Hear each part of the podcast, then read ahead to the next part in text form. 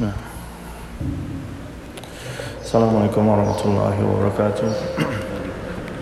Alhamdulillah rabbil alamin wassalatu wassalamu ala Rasulillah wa ala alihi wa sahbihi wasallam. Amma ba'du. Alhamdulillah kembali melanjutkan uh, tadabbur Al-Qur'an sudah sampai di ayat 233 dari surat Al-Baqarah. Allah berfirman, "Wal walidatu yurdi'na auladahunna haulaini kamilaini." Dan kewajiban bagi para ibu di sini ayat ini 233 adalah uh, kewajiban bagi uh, keluarga ya, masing-masing bagi suami dan uh, ayah dan juga istri ya dan juga para ibu. Wal walidatu yurdina auladahunna haulaini kamilain.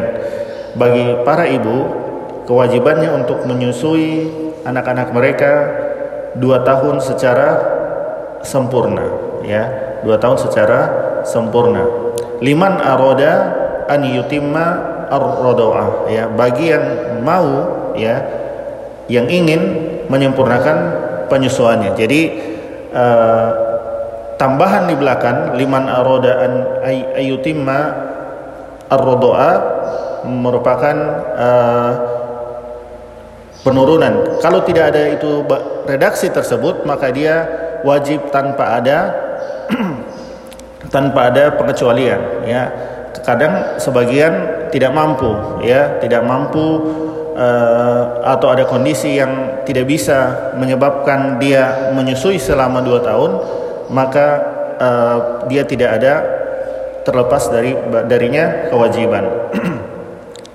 uh, kemudian Allah berfirman wa alal mauludi lahu rizquhunna wa kiswatuhunna bil ma'ruf. Kemudian bagi ayahnya ya, bagi ayahnya uh, ada kewajiban bagi memberikan rizki kepada anaknya, anak yang yang anaknya ya rizquhunna uh, rizkinya yaitu mak makannya wa kiswatuhunna dan juga pakaian mereka ya bil ma'ruf dengan uh, urf sesuai cara yang baik ya. Jadi wajib bagi suami maupun ayah memberikan nafkah makan maupun pakaian kepada uh, istri dan anak-anaknya ya. Di sini ditegaskan berarti selama pernikahan ada ibadah terus itu ya ibadah yang sangat panjang sekali uh, makanya tidak disukai oleh syaitan sehingga kalau kalau putus maka berarti uh, kalau misalnya cerai atau dia menghentikan nafkahnya maka dia zolim kepada uh, anak-anaknya. Makanya tidak disukai oleh syaitan pernikahan ya maka di situ juga kita wajib uh, mengetahui bahwasanya itu ada pahala selama se, se, selama pernikahannya, selama dia punya anak dan dia nafkahi dari nol sampai kalau misalnya laki-laki sampai balik ya, kalau perempuan sampai menikah. Kalau laki-laki balik itu sebenarnya sudah sudah sudah mampu dia anaknya sudah mampu mencari nafkah sendiri, sebenarnya itu sudah tidak bertanggung jawab lagi, itu sudah bukan kewajiban, sudah selebih dari itu sudah uh, nafkah yang uh, di luar kewajiban. Tapi kalau anak wanitanya sampai dia menikah, karena pas ketika menikah yang mengambil alih pemberian rizki anak perempuannya adalah suaminya, ya suaminya dari anak perempuan tersebut. Ya, jadi uh, keliru apalagi uh, dilarang bagi seorang suami yang belum eh, yang sudah uh, memaksakan diri menikah tapi tidak tidak mau, eh, tidak belum punya apalagi tidak mau, kalaupun belum punya tidak mau cari, ya sehingga malah memberatkan eh, orang tuanya, ya orang tua dari eh, istrinya tersebut, karena sudah sudah bukan tanggung jawab orang tuanya lagi.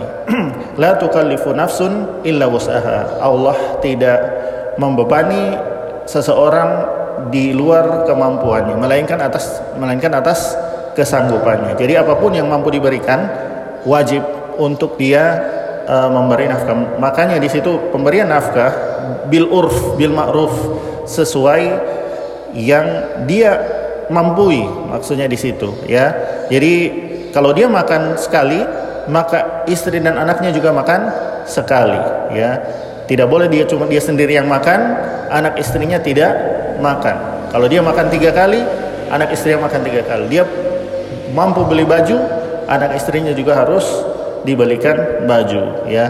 La tudarra walidatun ya biwalidihi. Tidak boleh uh, seorang ibu sengsara disebabkan anaknya. Ini artinya kembali ke awal ayat.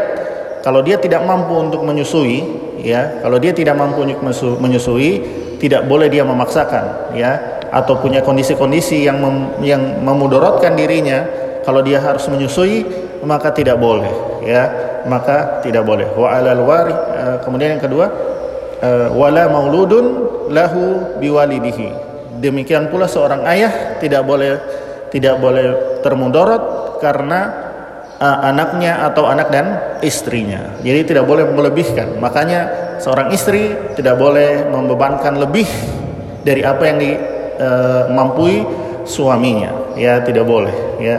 Sebagaimana anak e, tidak gugur ya gugur sebagian haknya apabila tidak dimampui oleh istrinya eh, ibunya maka demikian pula istri e, bisa gugur tidak tidak ada wajib lagi e, ini apabila suaminya tidak mampu ya. Kalau ada ketidakmampuan rizki baik pun baik rizki e, batin maupun uh, uh, fisik maka uh, kembali kepada istri apakah dia dia sudah boleh menuntut cerai suaminya atau dia mau bersabar ya? Jadi itu. Uh, kemudian Allah berfirman wa alal warisi mislu zalik.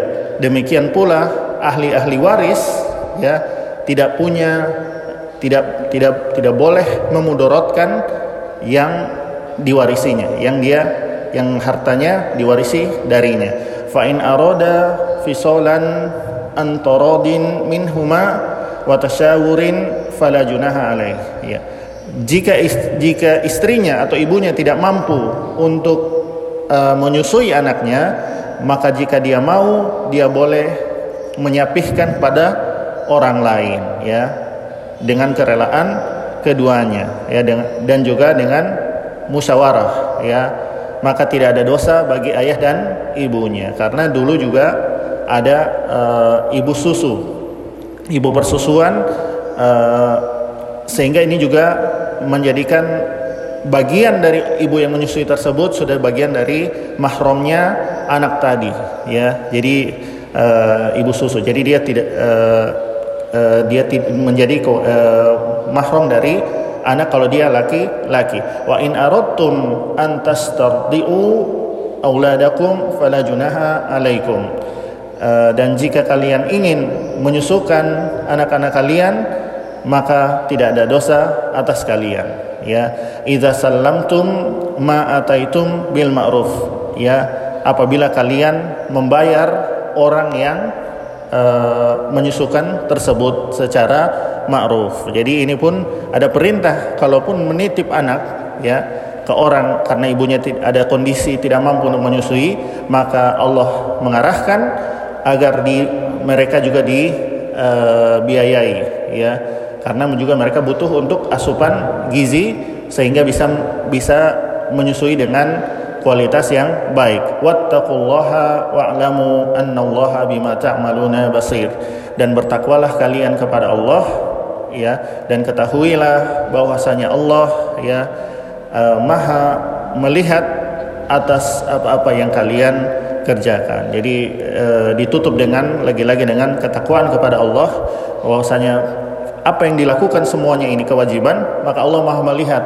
Kalau Allah Maha melihat, maka Allah Maha mensyukuri. Kalau Allah lihat kita melakukan amalan yang diperintahkan, Allah Maha mensyukuri. Pasti Allah tulis kebaikan dan pasti Allah balas di uh, hari kiamat kelak. Selama kita tidak membatalkannya dengan syirik, dengan kufur, atau dengan uh, manna wal adza atau dengan sebutan-sebutan ya itu membatalkan amalan. Jadi diungkit-ungkit diungkit-ungkit atau disakiti hatinya maka itu juga membatalkan amalan atau murtad ya atau ria ya ini semua hati-hati membatalkan amalan ya sebaliknya jika kita sengaja mengin, tidak uh, tidak mengindahkan uh, perintah-perintah di atas maka Allah juga maha melihat Allah maha perkasa dan maha uh, mampu untuk mengadab hambanya disebabkan dosa-dosa mereka. Semoga manfaat.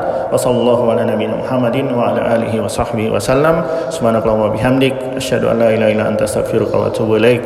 Wassalamualaikum warahmatullahi wabarakatuh.